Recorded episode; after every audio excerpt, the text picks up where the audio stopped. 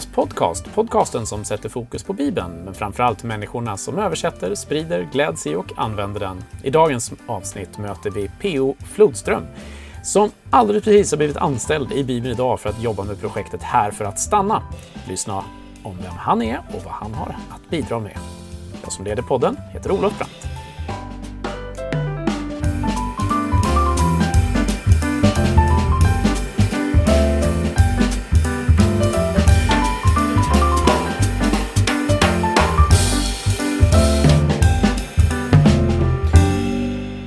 Ni varmt välkomna tillbaka till Bibeln Idags podcast. Och idag så hoppas jag att ljudet ska vara okej. Okay. Jag ber om ursäkt för senaste avsnittet där vi inte alltid hade världens bästa ljudkvalitet på grund av Skype. Men nu sitter jag på samma ställe som dagens gäst. P.O. Flodström, välkommen! Ja, men tack så mycket! P.O. Vi kan ju med glädje då släppa här i podden att eh, vi har precis faktiskt skrivit under ett avtal och anställt dig här på Bibeln idag. Ja, känns Väl fantastiskt. Välkommen i gänget. Ja, tack. vi, eh... Gänget är alltså Olof, bara så att ja. lyssnarna förstår. ja, vi har ju en styrelse också som, som väl kanske räknas. Eh, men det är sant, vi är ju inte så många anställda. Det är ju ett, är ett, lit, ett litet gäng som... Eh, vi har ju en redaktör och en, eh, en ekonom också. Så att, jag kan nämna att när jag kom in här i morse så var jag jättepositivt överraskad. För att Olof hade framställt det som att det typ var som Svenska Evangeliska Alliansen, en liten skrubb liksom på, ja, på en ja. vind någonstans. Och att han satt där ensam. Men sen när jag kom in här, det var så här ljusa, fräscha, jättefina lokaler och ett helt personalrum fullt med människor. Men sen så droppade det bomben. De här har ingenting med Bibeln idag att göra. Precis, vi hyr ju in oss i Bibelsällskapets lokaler så det är klart, vi har ju våra Eh, vi, vi, samarbetar ju och vi har en del eh, saker tillsammans. Men Bibeln idag hyr ju faktiskt bara 60 procent av ett av rummen här. Så att det stökigaste rummet kanske jag ska nämna. Ja, så, så, är det. Så är det. Eh, PO, ja. idag ska vi prata om eh, lite grann varför du ska jobba hos oss ett år. Eh, vi ska prata om vad den satsningen lite grann kommer att innebära. För att exakt vad det blir vet vi ju inte än. Mm. Men eh, inriktning och så. Men innan vi kommer dit så tänker jag att du ska i vanlig poddordning här få berätta lite om dig själv. Vem är P.O. Flodström? Oj, den där stora frågan. Vem är vi? Ja, um, I dagsläget så jobbar jag som eh, karriärscoach och eh, vuxenlärare på Borlänge kommun. Jag jobbar mycket med integration, arbetsmarknadskunskap, vardagssvenska och motiverande insatser, inspirationsföreläsningar och motiverande samtal och så. I grunden är jag utbildad eh, till, ja, jag utbildad till, jag har läst statsvetenskap, medie och kommunikationsvetenskap och församlingsledarakademin. Det är ju kanske en lite lustig kombo. Ja, kommunikation och församlingsledarakademin tycker jag hänger ja, ihop. Jo, men, mm. men eh, du, vi har ju mötts bara egentligen i, i vad ska jag säga, den kristna sfären. Mm. Mm. Eh, och så jobbar du på kommunen. Liksom. Hur, har, hur har livet fått dig att hamna här? Ja, men det var eh, ett år efter församlingsakademin då, då tog jag ett år där jag väldigt intensivt sökte församlingstjänster. Mm. Eh, så jag var iväg på jättemånga provpredikningar och ni som inte känner till det, en anställningsprocess inom Svensk Frikyrka en jättelång process. Eh, först blir du telefonintervjuad två till tre timmar. Eh, och eh, sen blir du nedkallad att hänga med församlingen under en helg. Då ska du genomgå mellan kanske tre och fem en timmes långa intervjuer för de olika grupperna som finns. Alltså gruppen ledare för Tweenies, eh, ungdomsgruppen, eh, äldregruppen, församlingens styrelse. Alla ska de, få känna på dig. Ja, eh, och eh, du provpredikar och du är med på någon gemenskapshelg. Och, eh, det, det, det, är en process som tar väldigt lång tid. Så är du arbetssökande så är det bara kul för det händer någonting. Alltså det, det blir ett äventyr mm. eh, med ojämna mellanrum liksom, varefter olika församlingar blir intresserade av dig.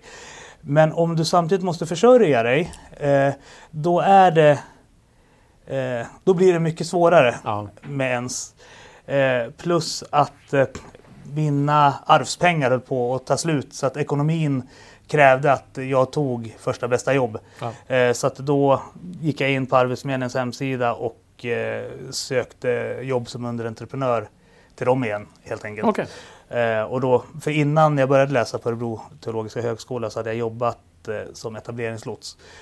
Så att det var typ två veckor senare så hade jag ett jobb Liksom så. Det var lättare alltså? Ja, eh, och första året där så fortsatte jag att eh, liksom försöka eh, söka och varit kallad och vara iväg på lite helger ibland. Men min dåvarande fru ville ha önskade med all rätt att vi liksom slog oss ner någonstans ja, och kunde ja. finna harmoni i, i vardagen. Så, mm. eh, så att då tog jag eh, liksom det här spåret som jag är inne på nu. Mm.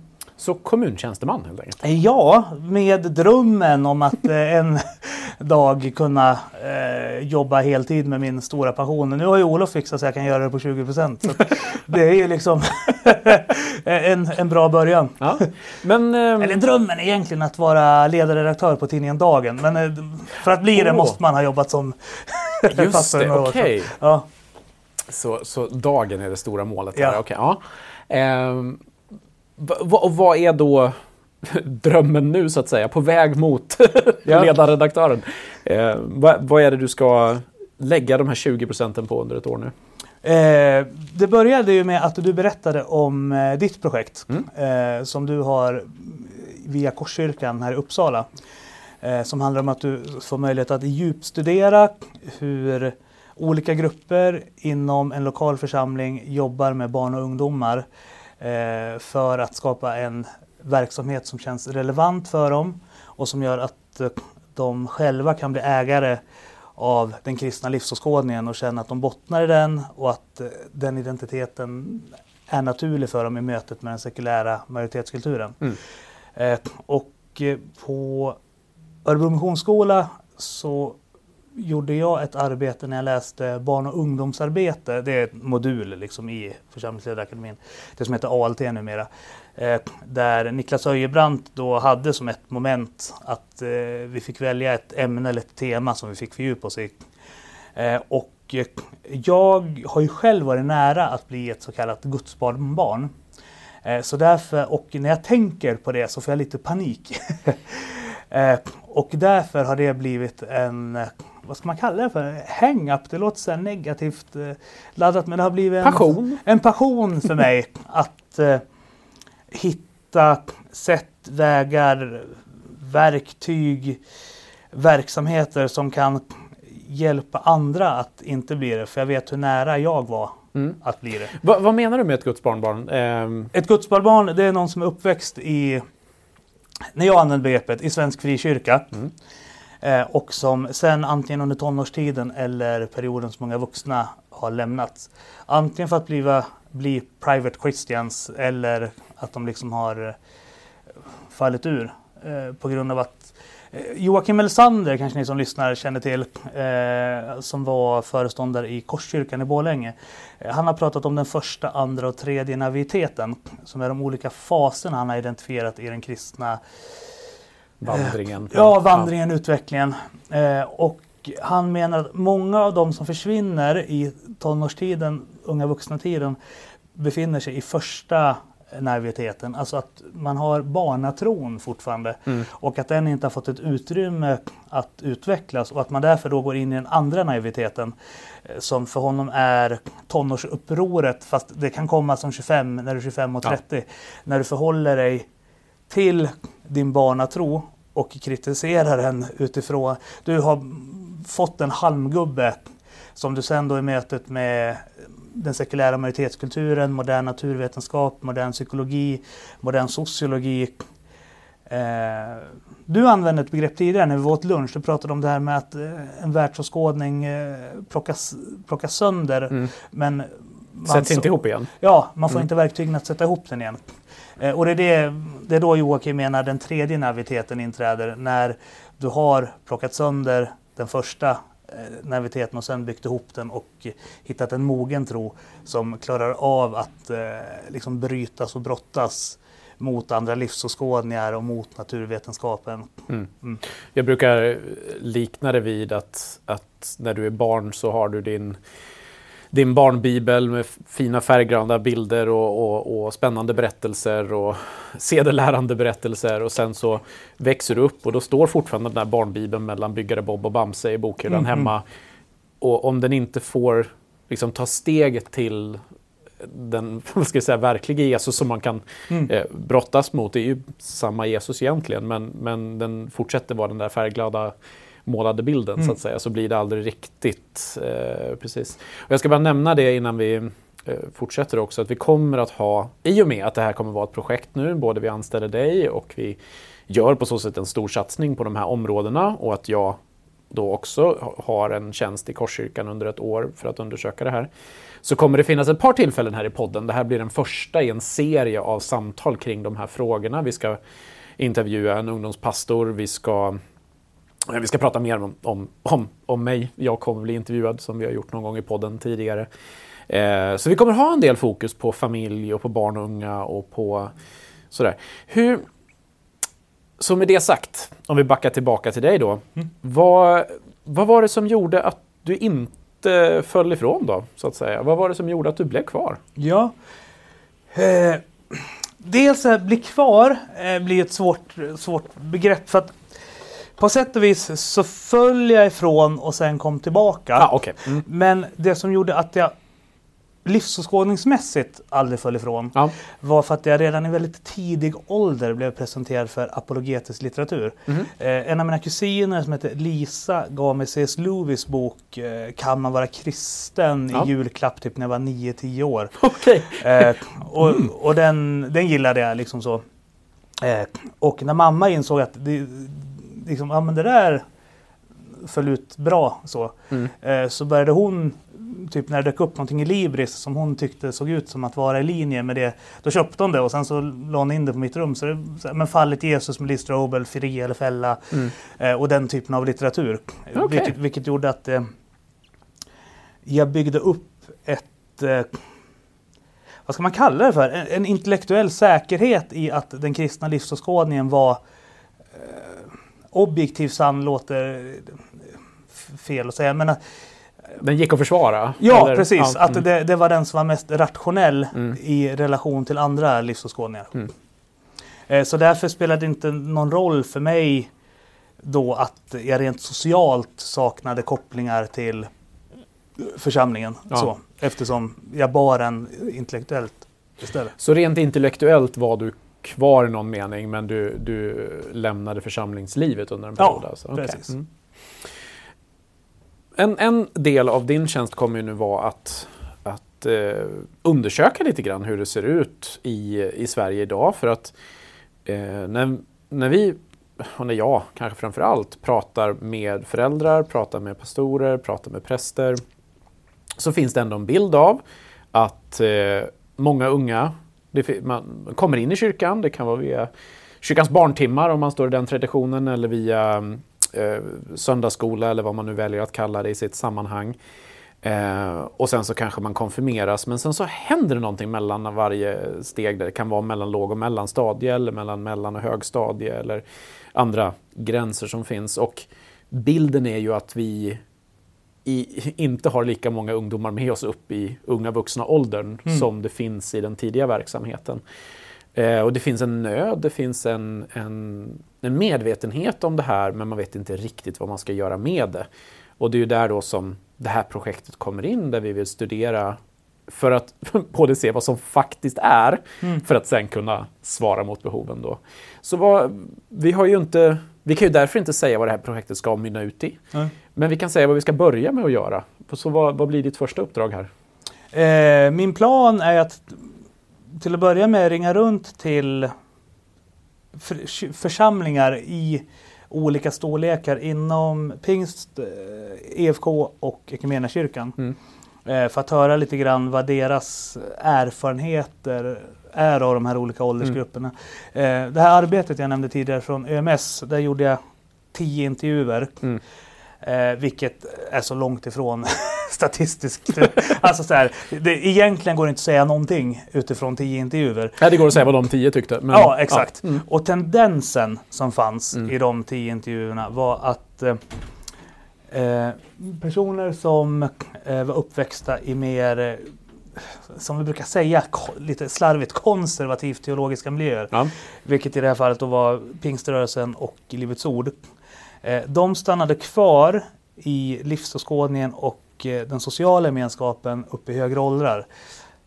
2023. Så. Mm. Men när de bröt, då bröt de eh, skarpt och blev ateister eller i ett fall till och med antiteister. Mm.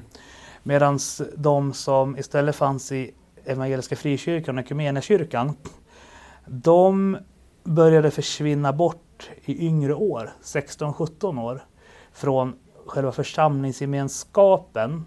Eh, men de definierade sig fortfarande som troende.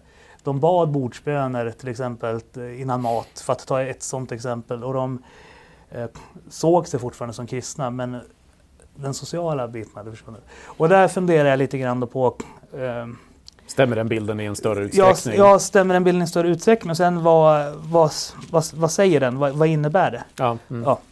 Och vad kan man göra åt det? Ja. ja. För det kan ju då behövas. Och det är väl det som är den stora utmaningen här för oss. är ju att det kommer ju såklart behövas många verktyg och många personer som, mm. som, som är med i den här processen. Och, och därför vill vi också verkligen bjuda in dig som lyssnar om du har, känner att det händer någonting i hjärtat när vi pratar om de här frågorna. Att, att eh, hör gärna av dig med, med tankar och input både till PO och till, till mig, vem du nu hittar först.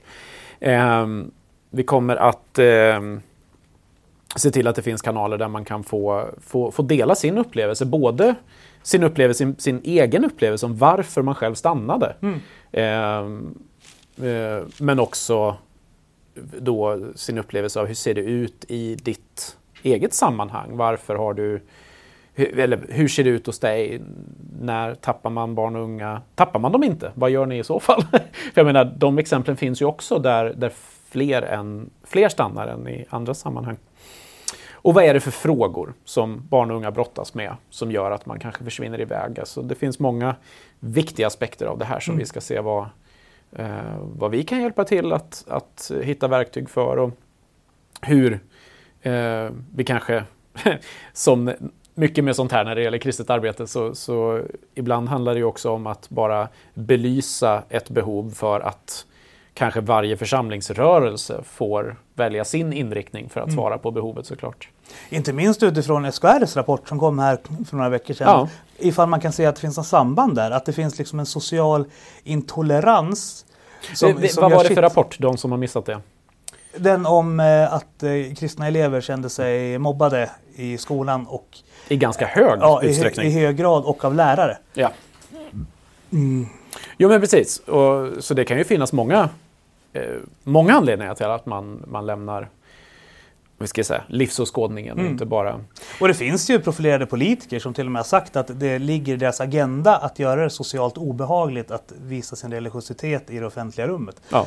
Eh, så finns, det, finns det samband, större samband som vi kan liksom in och hitta och ja. vad, vi, vad kan vi göra åt det? Ja, och det kommer säkert behövas många åtgärder på många sätt för mm. att hjälpa. Och en av de saker som som vi, vi har sett i den, den initiala forskning vi har gjort det är ju att, att familjen är en otroligt viktig plats för att, eh, att odla ett lärjungaskap eller vad vi ska säga för att eh, vara den plats där man kan börja stöta och blöta de här funderingarna som ju kommer med, med åldern och där man som förälder har ett otroligt viktigt, en viktig plats för att visa för, för barnen då att det, barnatron må den bär dig men det kommer också en, en tid då du kanske vill ifrågasätta och det är okej. Okay. Mm.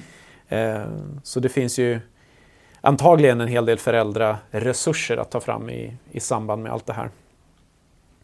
Så eh, du kommer sitta och ringa runt, så om du sitter och lyssnar och känner dig som, som en som vill bli uppringd så får du gärna höra av dig. Ja. eh, så ska vi ge alla möjligheter att svara på att, att få, få, ge sin bild av, av de här frågorna. Och sen när vi har eh, ringt runt då, vad händer då?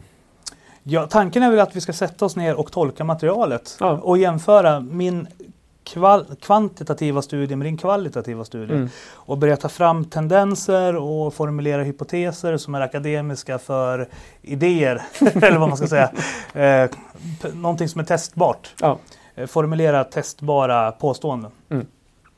Och sen helt enkelt börja försöka lösa problemen. Mm. Eh, I olika samarbeten och på olika sätt. Eh, och som du säger, mitt projekt, eh, det som jag då har i Korskyrkan och som vi ska göra en hel podd om här senare, kommer ju att syfta till att hjälpa en specifik församling i de här frågorna. Mm. Eh, men såklart med målet att det som vi lär oss i den här processen ska vara någonting som andra församlingar kan, mm. kan ta till sig av eh, vidare. Jag tänkte på, du nämnde eh, EFK, Pingst och eh, Equmeniakyrkan. Ska de andra kyrkorna bara låta bli att lyssna nu då? Eller? Nej, det hoppas jag inte de gör. Men eh, jag har ju 20 procent, du har 40 procent. eh, vid sidan av det har jag 100 procent som kommunal tjänsteman. Och du har, eh, vad är det? Ja, ytterligare massa procent på andra ställen. Ja, ja. precis. Så att någonstans, det är samma sak som när vi pratade lite grann om hur ska vi nå ut och hur ska vi liksom få den här kampanjen att lyfta. Att, ja, det är kanske är bättre att vi identifierar tre plattformar där vi blir, gör väldigt bra kampanjer och som blir synliga och som håller hög kvalitet än att vi når ut på 12 mm. olika plattformar och eh, det blir där helt enkelt. Så det är liksom ett urval utifrån vad vi har för tid att... Ja. Och sen tror vi också att frikyrkligheten i sig, om man nu får tala om den som en enhetlig grupp överhuvudtaget, eh, kan ju säkert med, med all säkerhet plocka upp ganska mycket av det här. Eh, och sen om man då tillhör en annan kyrkotradition av mer luthersk eller romersk-katolsk eller ortodox eller vad det nu är, eh, så kan ju kyrkomiljöerna se väldigt annorlunda ut, men jag tror med all säkerhet att frågorna som ställs kommer vara de samma. Mm. Kanske att lösningarna ser lite olika ut mm. eh, och att de material vi tar fram i första skedet kanske inte passar i en svenskkyrkligt kontext rakt av, men att de frågeställningar som barn och unga ställer sig och de som kanske gör att de lämnar eller eh, så här, de kommer ju vara minst lika aktuella på mm. i alla. För det har ju en del med all säkerhet om, kring det omkringliggande samhället, som du säger, majoritetskulturens ja.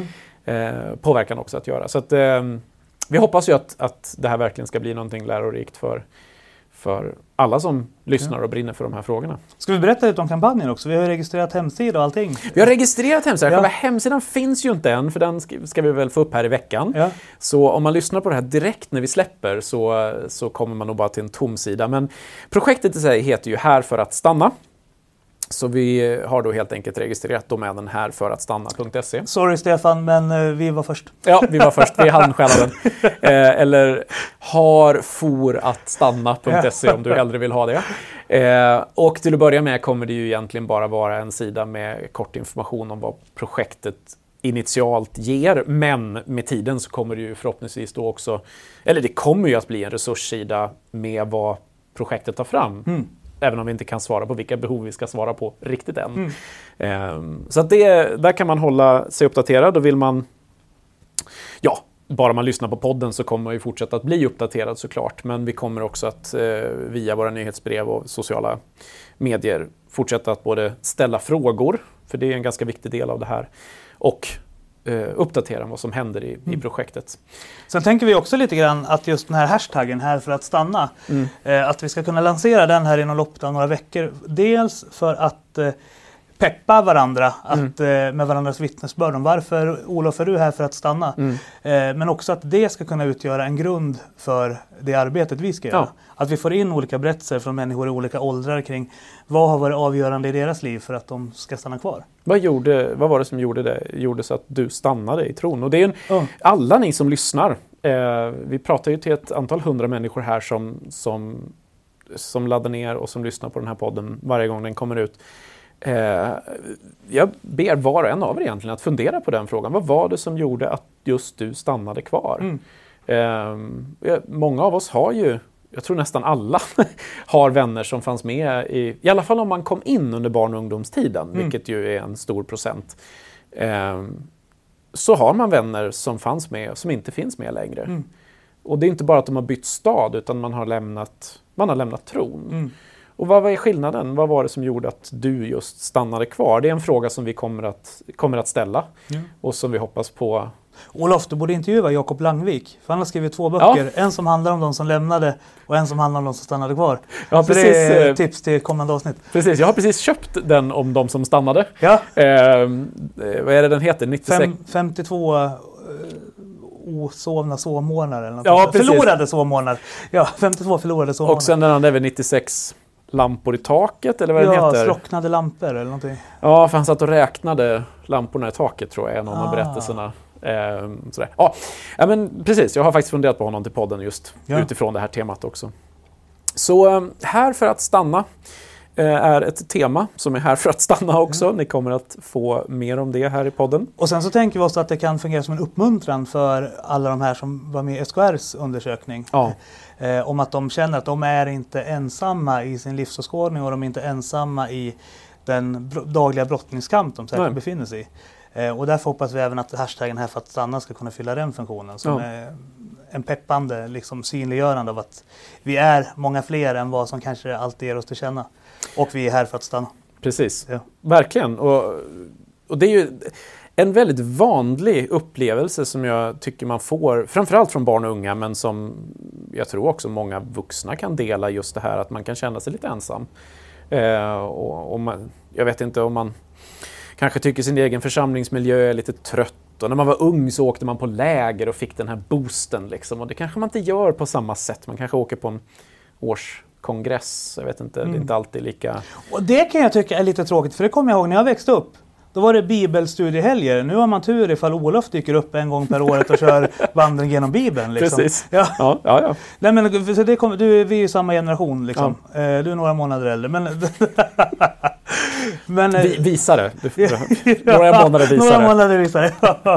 Nej, men, exempel, vad är, han killen på världen idag, Sven Almqvist. Han liksom åkte runt och hade bibelstudier överallt. Och det var inte bara han. Det, var, det fanns liksom en, en hel branschkategori pastorer ja. som enbart nästan åkte runt för att hålla i en till två veckors långa bibelstudier. Och jag kan bara ta lilla, eller den är inte så liten, alltså Pingstkyrkan i Fagersta där jag är uppväxt. Den var liksom smockfylld under de här två veckorna. Mm. Eller, och det, den blev fullare och fullare dessutom för att folk tog med sig grannar och kompisar och kollegor till de här liksom, evangelisationsveckorna eller bibelstudieveckorna. Eh, idag har vi för sig Sebastian Staxet då, som kanske mm. fyller de samma... har sina tältmöten. Ja, de har tältmöten men jag uppfattar det mer kanske som väckelsemöten ja. än mer bibelstudier så att människor får brottas med bibelordet ja. och eh, lära känna Bibeln. Men där mm. återigen, där tycker jag att du gör ett väldigt viktigt jobb. Och vad heter den andra killen? Jonas? Magnusson. Magnusson, ja. Mm. När ni åker runt och liksom visar hela berättelsen från första Mosebok till Uppenbarelseboken ifall de har köpt hela paketet. Då. för, att, för att själva... Det märker jag när jag liksom har ideella uppdrag inom församlingen att eh, intresset för den djupare bibelförståelsen finns. Mm. Men att eh, vad heter det, trösklarna mm. in i det teologiska samtalet upplever jag är mycket högre nu än för 20 år sedan. Mm.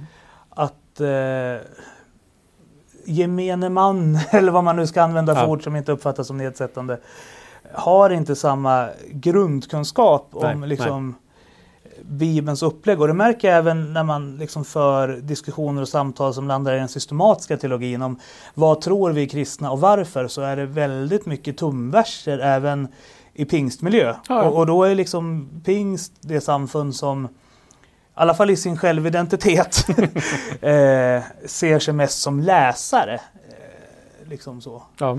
Eh, Nej men så det tror jag. Mer vandring genom Bibeln till folket. Eh, så det, det, tror jag på. Mm. Det är intressant faktiskt för att eh, Bibelsällskapet i Storbritannien gjorde en stor eh, undersökning bland vanligt folk, eller hur vi nu ska säga. Ja. Eh, och en av de saker som de hittade där var att det fanns ett ganska stort intresse kring eh, alltså vanlig vad ska jag säga, bibelkunskap. Alltså man, hade, man kände att man hade tappat tappat en del av den kunskap som, som tidigare var gemensam kunskap och att det fanns ändå ett visst intresse. Så att jag vet att de ställde någon fråga så här väldigt specifikt. Skulle du vara intresserad av att gå en fem veckors liksom, här, en, varje lördag en gång i introduktionskurs, typ alfa, fast mm -hmm. bibelkunskap. Eh, och det var jättemånga i den undersökningen, nu minns jag inga siffror för det var ett halvår sedan jag hörde det här, men som var intresserade av det och det gjorde att man i England startade en, en, en Bible course, som de kallar det, eh, och som har gått jättebra. Eh, jag tror att det var närmare 30 000 som har gått igenom den på en ganska kort tid. Eh, och det, Nu är ju England ett annat land. Vi mm. vet inte hur intresset skulle se ut för en sån sak i Sverige, men jag tror definitivt att i sekulariseringens tidevarv så, så, finns det ett intresse av den här berättelsen. Och jag tror att vi som kristna faktiskt kan, vi kan få sträcka på oss. Vi har verkligen någonting att ge här. Mm. Ehm, det... Sist det gjordes en nationell satsning, det måste ha varit den här från minus till plus. Ja, jag tror och det. det var typ 95, 96, hur många ja, år sedan är det nu? 25 år sedan? Nej, nej kära så länge sedan kan det inte vara. så gamla är vi inte. Eller vänta nu, jo. Ja, mm. jo men jag, jag minns ju från min ungdom, jag såg de där eh, böckerna. Eh, så att det finns, jag tror att det finns utrymme för det. Mm. Det är kanske inte det vi ska göra, men eh, vem vet vad det här tar vägen mm. när vi spånar vidare. Så vi ska faktiskt ta och runda av det här samtalet här. Det blir en liten kortare podd, men det blir som en introduktion till ja. dig och till det vi ska göra. Och eh, jag tackar dig för att du tog ja. dig tid att vara med. Och eh, för er som lyssnar så kan jag bara berätta då att vi nu har eh, börjat att boka in vårens poddprogram här. Vi har ett antal teologiska resväskor som ska packas upp. Vi har ju haft det som serie tidigare och blivit ombedda att återkomma till den, så nu blir det fler där vi då det är utifrån N.T. Wright som har vid något sam sammanhang, jag vet inte om det är hans bild från början, men där han har nämnt då att eh, många av de stora stororden vi har i, i kristen tro, eh, rättfärdighet, eh, helgelse, inte vet jag vad vi har för några nåd, är som resväskor. Vi kan inte förklara dem varenda gång vi använder dem. Så då har vi tagit hela vår garderob och så lagt ner den i en resväska och så bär vi omkring på den och så säger vi nåden. Mm. Men om vi aldrig packar upp den där väskan så vet vi inte riktigt vad de betyder. Så det har vi roat oss med i podden tidigare och ska nu mm. fortsätta här. Så vi ska prata om förlåtelse, vi ska prata om offer, vi ska prata om, vad var det mer jag hade bokat in? Något mer var det. Ja, och så blir det även en del eh, nya författare, lite annat smått och gott. Vi ska som jag sa möta en, en barn och familjepastor. Eh, så mycket spännande på gång i podden här under våren. Så eh, tack för att ni har lyssnat. Och, eh, jag som är poddanalfabet. Ja. Eh, hur, alla ni poddare, ni säger så här, ja, du hittar den där poddar finns. Ja, precis. Ja, ja, ja. Men, men ifall du inte vet vart poddar finns. Hur har man då lyssnat på det här kan jag ju fundera på. Ja, men det, då är det att någon kompis skickar en länk på Messenger. Ja, precis. Nej, men, och, Bibeln Idags podcast finns ju i de, de flesta större såna här podcastappar som man söker på Bibeln Idags podcast. Eller så finns den på podcast.bibelidag.org. Den kan man alltid dela, den länken. Där finns hela arkivet också om man vill leta mm. igenom med sökfunktion. Så om man vill söka på resväska och lyssna på alla dem så mm. kan man göra det. Eh, eller bara på namnet på någon gäst man kan vara intresserad av. Eh, och sen hoppas jag få in den på Spotify här nu inom en snar framtid. Eh, så.